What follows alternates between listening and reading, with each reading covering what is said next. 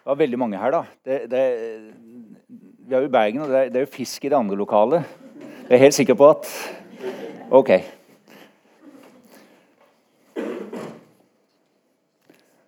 Av dere som er igjen, og som ikke har forlatt lokalet, så er det kanskje noen som husker den såkalte situasjonismen. Eller den situasjonistiske internasjonale. Det var en brukte blanding av marxisme og anarkisme som var eh, spesielt populær på slutten av 60-tallet. Og da i første rekke blant intellektuelle og kunstnere. Og uh, mer enn andre steder i Danmark og Frankrike. Uh, maleren Asker Jorn var med, og forfatteren Guy Debord. Uh, jeg regner med at det er få som Er det noen som kjenner til situasjonismen? Noen som har hørt om den? Absolutt ingen. Og det er egentlig ikke så rart. Fordi eh, dette var på mange måter et blaff. Og situasjonismen gikk raskt i glemmeboken og etterlot seg lite. Men med ett unntak. For den hadde en helt egen innfallsvinkel til analyse av rom og byer, som fortsatt er verdt å få med seg. Og metoden kalles 'deriv' på fransk, som kan oversettes med 'å drive'. Og Den gikk i korthet ut på at man lot seg nettopp drive gjennom byen på lykke og fromme. I en slags eh, eh, grunnleggende naiv tilstand uten å bli styrt av viljen. De stadige stemningsskiftene som man dermed gjennomgikk, dannet til slutt et såkalt psykogeografisk kart over byen. Og Dette kartet ville være sannere og mer dyptpløyende enn enhver turistbrosjyre og ethvert offentlig kartverk. Og dermed i siste omgang bidra til en mer essensiell og inderlig forståelse av verden.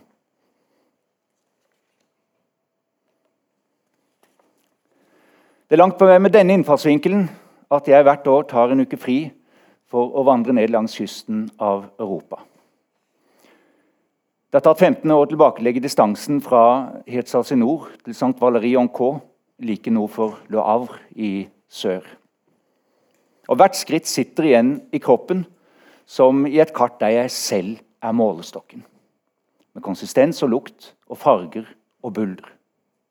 Jeg tar fire fotografier om dagen. Ett innover, ett bakover, ett utover, ett fremover. Klokken tolv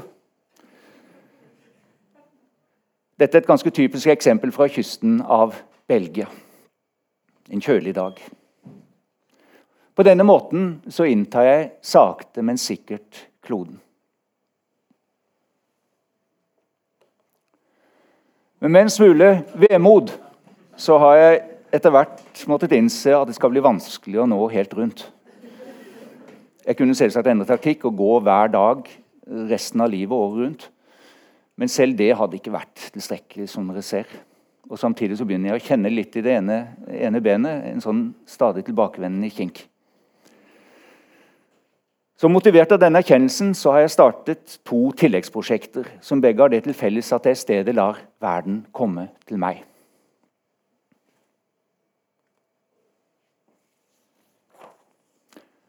Det første består av en innsamling av drivgods langs Rullesteinstranden nedenfor huset der jeg bor, på Lista. Av plast, av tre, for så vidt hva som helst. Her er beskaffenhet og skjønnhet mindre interessant. Det viktigste er at gjenstandene er merket av reisene sine, og helst slik at jeg kan rekonstruere dem. Mønstrene som da danner seg, favner gradvis mer og mer av kloden, nesten mot det intime.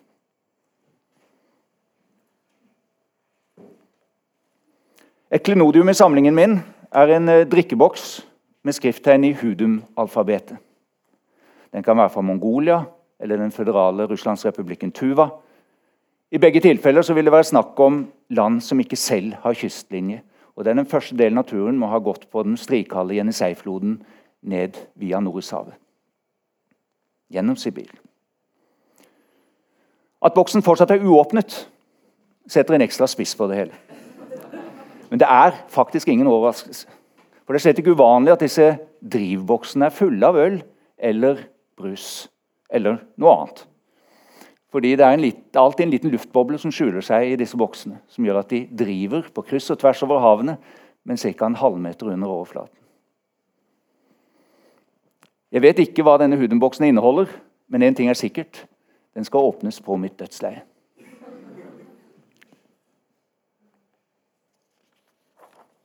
Så har vi det andre prosjektet, frimerkesamlingen. Jeg samler på frimerker, men ikke hvilke som helst frimerker.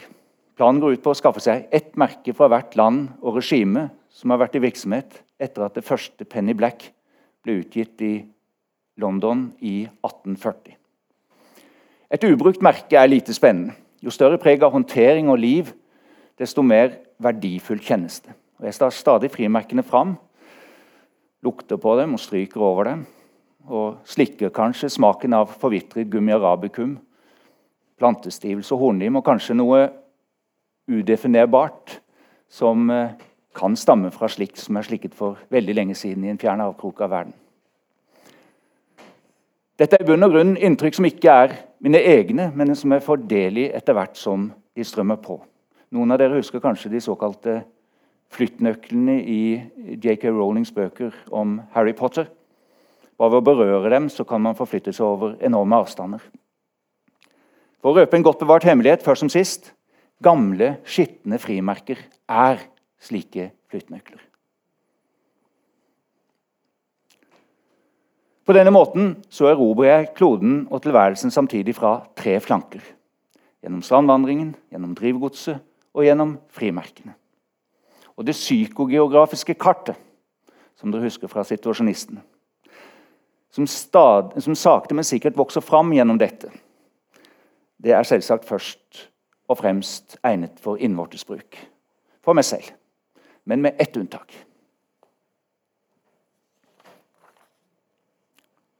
For frimerkene har vist seg å være mer enn som så. Mange nemlig, mange av dem har nemlig vært brukt på brev fra land som ikke lenger eksisterer. De har rett og slett forsvunnet, mer eller mindre i løse luften. Og dette er kunnskap som er verd å dele. Ikke bare fordi den er eventyrlig, men også fordi den forteller en rekke små, innsirklede historier med relevans for vår egen tid. Maktbegjær og manipulasjon, om svermerier og ideologier, om terrorisme, flyktningstrømmer og ressurskamper. Om alle Donald Trumpene, Berlusconiene og Jens Stoltenbergene. Alt tyder på at vi mennesker ikke er stort mer komplisert enn at vi gjentar oss selv igjen og igjen.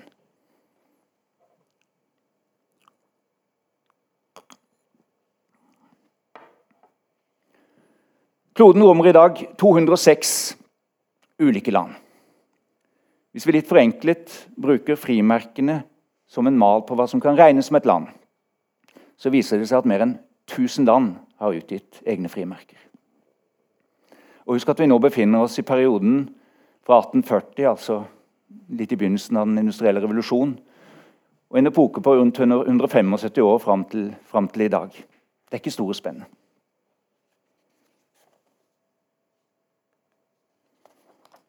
I landene som forsvant, så tar jeg for meg 50 av disse bortkomne landene, som bare unntaksvis nevnes i vanlige historiebøker. Og Grunnen til dette er kanskje at historikere som oftest jobber på oppdrag fra makthaverne. Og når statene forsvinner, så blir også statsstøtten borte, og det hele glir hen i glemselen. Noe alle disse landene har til felles, er at det sjelden er snakk om harmoniske livsforløp. De har riktignok alle hatt sin barndom, sin ungdomstid og sin voksentilværelse, men oftest i komprimert form. I noen tilfeller knapt målbart i timer og dager. På denne måten så fremstår de med nesten menneskelige trekk. Men vi møter sjelden de sjenerte, de selvutslettende eller de filantropiske. De aller fleste av disse fortapte landene befinner seg i den helt andre enden av skalaen. Som selvhevdende, voldelige og til dels sterkt nevrotiske. Å ringe inn et territorium har nesten aldri hatt som formål å øke befolkningens lykke.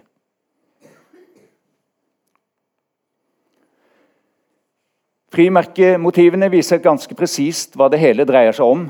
En nesten eh, massiv mannskultur av monarker i pomp og prakt, militære seiersmonumenter og regimetro helter av alle slag. Og nesten alltid presentert med klare assosiasjoner til struttende påfugler og bavianer med oppblåste trommebryst.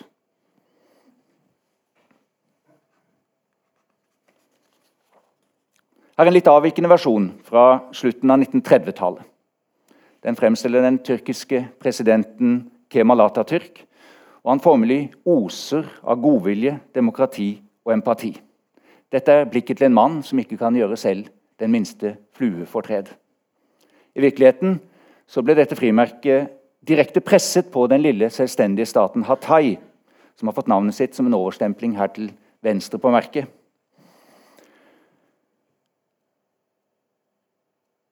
Hatay hadde frigjort seg fra den franske kolonien Syria og grenset opp mot Tyrkia i nord. Og Det var særlig handelsforbindelsen sørover, i tillegg til den attraktive havnebyen Alexandretta, som hadde fristet tyrkerne. Til slutt inntok de landet gjennom et utstudert renkespill av utpressing, korrupsjon, bestikkelser og arrangerte valg. En viktig ingrediens i dette var å sette landets ulike folkegrupper opp mot hverandre. Og Her var det mye å ta av. Enten det var armenere, alawitter, kurdere eller drusere. Mange av dem ble fordrevet og erstattet av tyrkiske innvandrere. Og De som ble igjen, måtte stå, tåle ekstreme belastninger på egen kultur. Og Tyrkisk språk ble påbudt selv i private samtaler.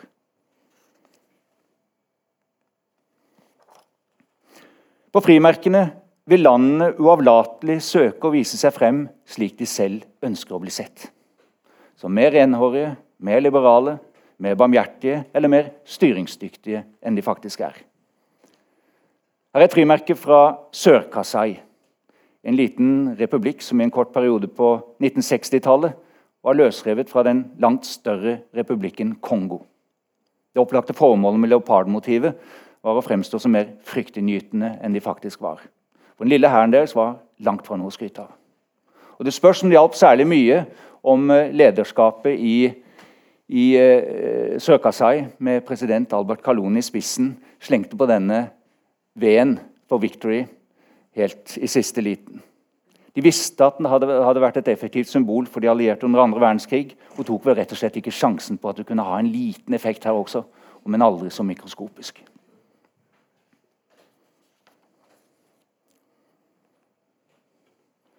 Jeg har et lignende propagandamerke fra Corrientes, en langt på vei selvstendig provins i Argentina på midten av 1800-tallet. Den bærer Ceres som motiv, romernes gudinne for jordbruk og fiske, og var en direkte kopi av det første franske frimerket. På denne måten så ønsket man å bli assosiert med det liberale franske demokratiet. Men dette var ren svindel. For i virkeligheten var Corriente styrt av en fullstendig korrumpert administrasjon i hendene på et kobbel med mafiabosser. En stemning som ellers er godt dokumentert i Jonas Fjell-romanen 'Kondoren', som for en stor del utspiller seg i dette området. Og Det spørs om særlig mange ble lurt av dette frimerket. For også utførelsen var da sjeldent tvilsom karakter. I mangel av annen ekspertise ble trykkplatene utført som tresnitt av bakerilærlingen Mathias Pipé, som hadde skrytt på seg noen høyst tvilsomme erfaringer fra, eh, erfaringer fra et italiensk trykkeverksted. Og Prosjektet ble ikke prioritert høyere enn at frimerkene ble trykket på godt brukt innpakningspapir. Det er laget noen forfalskninger av dette merket i etterkant, men absolutt ingen av dem klarer å måle seg med det kvalitetsmessige lavmålet det her er snakk om.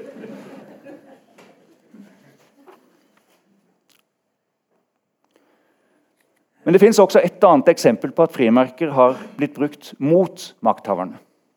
Da tyskerne okkuperte de britiske kanal Kanaløyene uten motstand i 1940, så forandret det ikke mer enn det aller nødvendigste. Foruten begrensninger i spritsalget ble tidssonen endret fra Greenwich Mean Time til sentraleuropeisk tid, og kjøreretningen fra venstre til høyre. Også når det gjaldt frimerkene, viste tyskerne uventet pietet og droppet motiver med Hitler og svastikaer som de hadde for vane å bruke de fleste områdene de okkuperte. Her kan jeg for øvrig anbefale en annen bok som kom ut i fjor, av Kim Jardar, som heter 'Med hilsen fra Hitler', og som tar for seg den tyske frimerkepolitikken i hele bredde. Men på Kanaløyene så valgte altså tyskerne å gå stillere i dørene. og De inviterte lokale kunstnere til å utforme frimerkene. På Guernsey ble Edward William Wardin satt på jobben Han var patriot og benyttet situasjonen til å starte sin egen og høyst private motstandskamp. Hvis dere ser veldig nøye på dette merket, så kan dere se en liten V i hvert hjørne her oppe.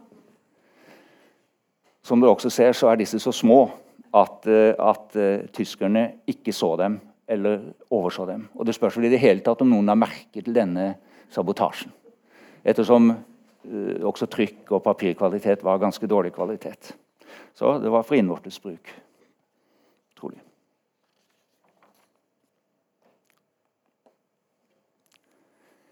Gjennom frimerkene kan vi således trenge ganske dypt inn i samtidskulturen. For mange av dere vil navnet Bhopal gi klare assosiasjoner til miljøkatastrofe. Noen vil kanskje også huske at det dreide seg om uh, utslipp fra, den, uh, fra en gjødselfabrikk uh, eid av amerikanske Union Carbide i 1984, og at mer enn 15 000 mennesker omkom i ulykken. Stemningen i den lille fyrstestaten Bhopal, som eksisterte fram til samlingen av Unionen India i 1949, var en ganske annen karakter. Det var her Kiplings jungelbok utspilte seg i frodige jungler med tigerbrøl, fossefall, lianer og bavianer. Og jeg sa fyrstestat, men egentlig dreide det seg om en fyrstinnestat. For gjennom 200 år var det fyrstinner som styrte Bhopal. De hadde stor omsorg for sine innbyggere, og de var muslimer. Her er en av dem, Shayahan Begum, på luftetur med en av prinsene sine. Med glitrende mandeløyne og full fløyelsmondur så tilbrakte disse prinsene det meste av tiden sin som sofapynt rundt omkring på de mange slottene. Hvordan fyrstinnene så ut, vet vi langt mindre om. De gikk jevnt i burka. Og alle rådslagninger med britene, som var de som eh, bestyrte utenrikspolitikken for Bhopal, foregikk gjennom skjermbrett. Og det er gjerne på jernbanestasjoner. Det er trolig et slikt lite skjermbrett vi ser i et reisebrett vi ser i venstre hånd her.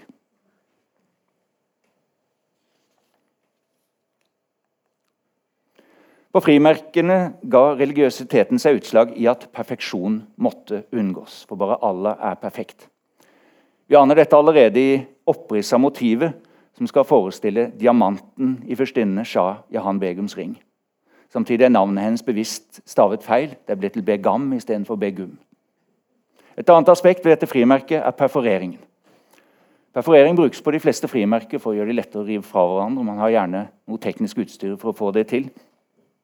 Her er perforeringen rett og slett stukket ut for hånd med nål i ti ark om gangen, bunkevis. Og Arbeidet ble utført på Slottet under overoppsyn av fyrstinnen selv. I dette rufsete sporet som da danner seg, så kan vi lese ut alt fra dagsform til nidkjærhet og distraksjoner underveis. Vi kan ane sladderpraten som går, og kanskje til og med en tekopp som velter. Frimerket etterlater seg et intenst nærvær. I slike eksempler så nærmer vi oss enda en dimensjon ved frimerkene. Og I motsetning til den nesten notoriske lønnaktigheten i selve frimerkemotivene, så er dette en materiell og fullt ut sannferdig dimensjon. Og Den kan utvides og ta i bruk lukt og smak. Men da skal vi igjen være på vakt. Historien forteller at dette merket skal ha lim tilsatt kunstig jordbærsmak. Ideen kom fra den britiske offiseren Thomas Edward Lawrence, bedre kjent som Lawrence of Arabia. Og Det hele var nok et rent, rent PR-framstøt for den ferske staten Hijaz, som var opprettet som en helarabisk utbryterstat med støtte fra britene i 1916. Poenget var å demme opp mot de osmanske og tyske styrkene som presset på mot Suezkanalen fra nord. Lawrence hadde ansvar for det meste, og dette motivet fant han på eh, en kveldstur gjennom Kairos gater i stukkaturen over inngangen til jernbanestasjonen. Det er tvilsomt om han visste hva det betydde, nemlig Mukka al-Mukarama som betyr 'det ærverdige Mekka'. Men han ville ha noe muslimsk. Det måtte på ingen måte se ut som englenderne hadde noe som helst med saken å gjøre. T. Lawrence hadde likevel et oppriktig ønske om at araberne skulle komme godt ut av det hele. Han ble dypt fortvilet da England og Frankrike delte hele Midtøsten opp i det vi litt forenklet kan kalle oljekonsesjoner etter at første verdenskrig var vunnet. Og Hijaz måtte leve videre under et strengt britisk overoppsyn. For øvrig er det ingenting igjen av jordbærsmaken på merket mitt. Den må enten ha fordunstet eller blitt borte med den første slikkeren.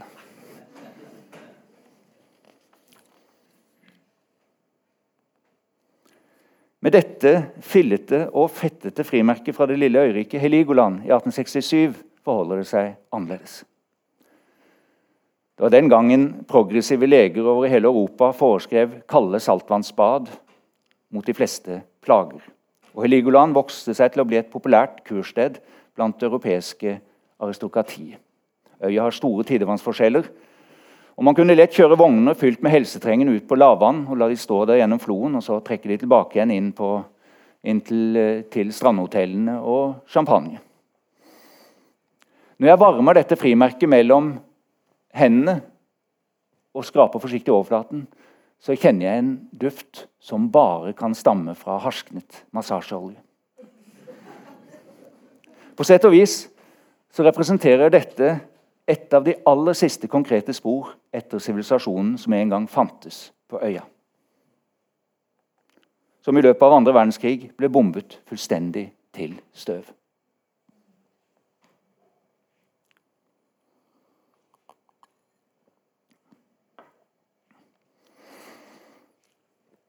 I tillegg til frimerkene så har jeg basert mye av boka mi på øyenvitneskildringer.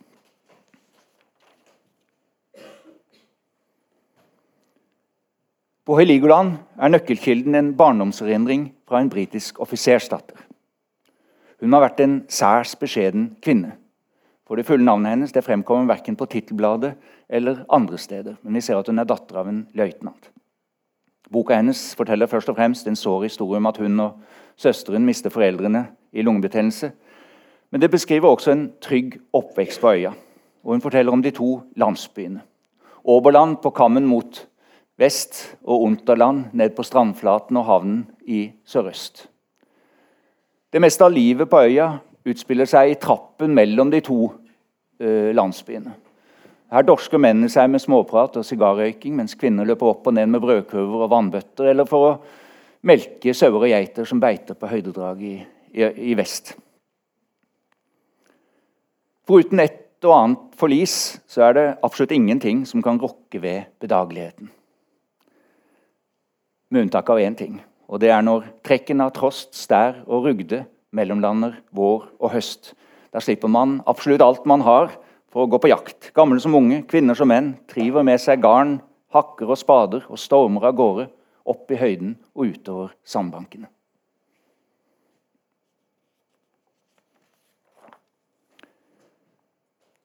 Det er i det hele tatt påfallende hvor mange av øyenvitneskildringene fra disse landene som er forfattet av kvinner. Det fremstår nesten som en regel at mennene utfører erobringene, og kvinnene beskriver dem. En av dem er amerikanerinnen Eliza Rumaha Skidmore til venstre her. Hun besøkte fyrstestaten Alvar sentralt på det indiske kontinentet helt på slutten av 1800-tallet. Fyrstene tilhørte krigerkasten Raiput og var notorisk brutale. Alle som bodde i Alvar, måtte forberede seg på å tilbringe store deler av livet i tvangsarbeid. Og til tigerjakt var det vanlig å bruke barna deres som lokkemat.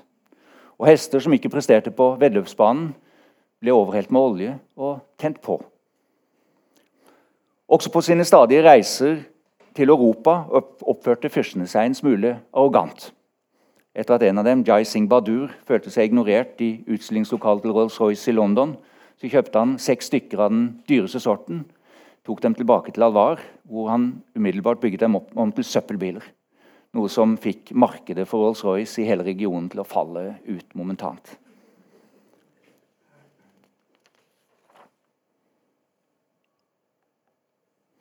Etter å ha besøkt eh, Fyrstens slott med sine svære værelser i massiv marmor og møblementer i rent sølv, så drar Eliza tilbake til hotellet sitt, der hun får servert kalakand etter sigende en av verdens beste dessert.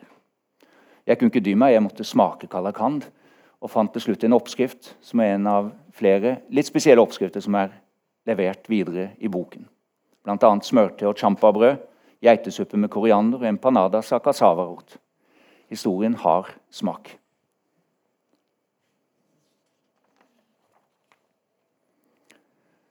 Det er selvsagt også menn på tur i disse vaklevorne landene. Og mens kvinnen, kvinnen oftest begrenser seg til å observere, så har mennene en klar større tendens til å involvere seg. For Her er det ofte langt kortere mellom anledninger til eventyr og vågestykker enn i de mer siviliserte delene av verden.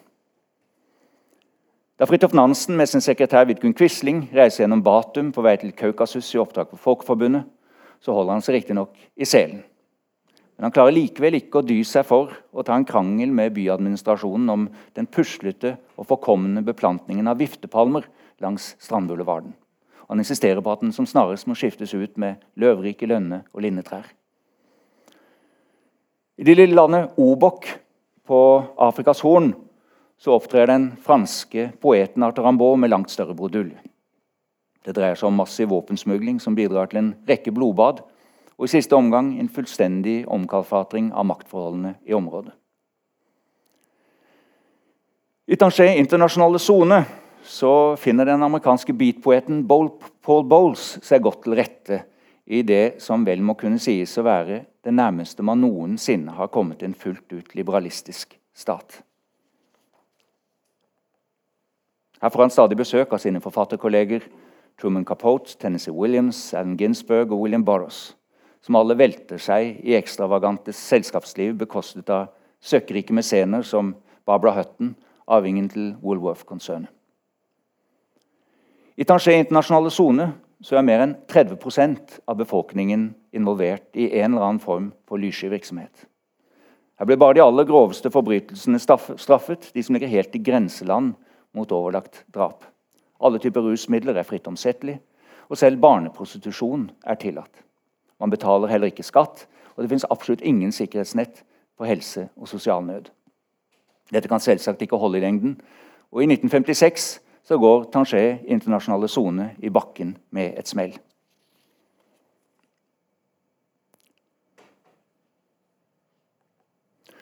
Og denne skjebnen deles av alle de 50 landene som jeg presenterer i boka mi. De går til slutt på en avgjørende smell.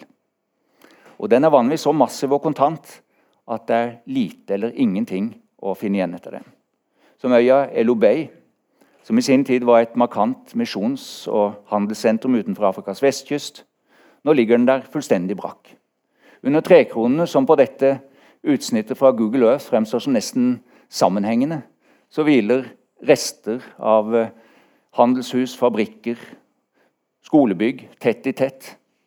Og Rykker du nærmere innpå, så ser man at alt av organisk materiale er formullet for lengst. Men man kan visstnok støte på en og annen rusten sing- og symaskin eller jernseng i det som en gang var hjem.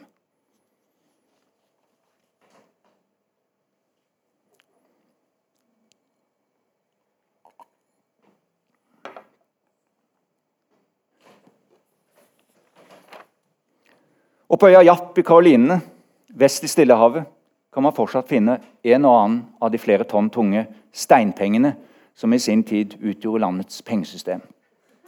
Men sjelden noe mer. Landsbyen er borte, og den opprinnelige og ganske så demokratiske samfunnsstrukturen som preget Japp-samfunnet, er forsvunnet for lengst.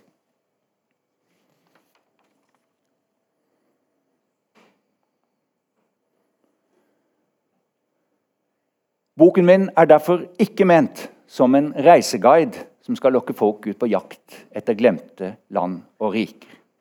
Og Hvis noen likevel skulle føle seg fristet, så snakker vi slett ikke om pakketurer, men om lange og komplekse reiser der alskens transportmidler må tas i bruk, og hvor klimakonsekvensene selvfølgelig vil overskride ethvert dannelsesnivå. Og trolig uten at leseren kommer noe som helst nærmere eventyret. Boka må heller betraktes som en annen måte å fortelle historie på. Denne gangen sett fra perspektivet til landene som kom til kort. De som rett og slett ikke tok seg videre til neste nivå. Som en slags samfunnsvitenskapelig eh, versjon av The Survival of the Fittest. Med samme skjebne som neandertalerne, mammuten, dronten og geirfuglen. Og Vi aner den underliggende dynamikken bak dette i historien om den lille Tripoli-republikken, som i årene like, like før 1920 etablerte seg som den første sekulære og demokratiske nordafrikanske staten noensinne. den forente befolkningsgruppen av arabere, berbere og tuareger, og hadde fått på plass en effektiv statsadministrasjon og eget flagg med palme under stjerne. Men måtte gi opp da de ikke ble anerkjent av Storbritannia, Frankrike og USA. De samme statene som 90 år senere, i 2011, bombet hele området tilbake til middelalderen. Den egentlige grunnen til at også lille Norge stilte med bombeflyene sine i denne kampanjen, vil vi sannsynligvis aldri få noe fullgodt svar på. Historien er i det hele tatt full av slike mysterier, nesten på grensen til det okkulte.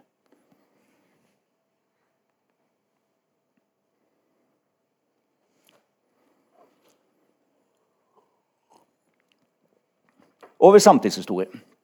På tross av alt dette likevel ikke tenner deg. Og det gjelder vel egentlig ikke noen i denne forsamlingen. Men hvis det likevel er sånn at en og annen syns samtidshistorie er kjedelig, så vil boka fortsatt kunne leses som en samling godnatthistorier. Som kan gi drømmen næring og løfte inn i søvnen. For det er egentlig ganske utrolig hvordan disse historiene om de fortapte landene også ligner tradisjonelle eventyr. Med gullskatter, bortgjemte byer, askelader, askepotter, gretne konger, nattergaler og det hele. Mange takk.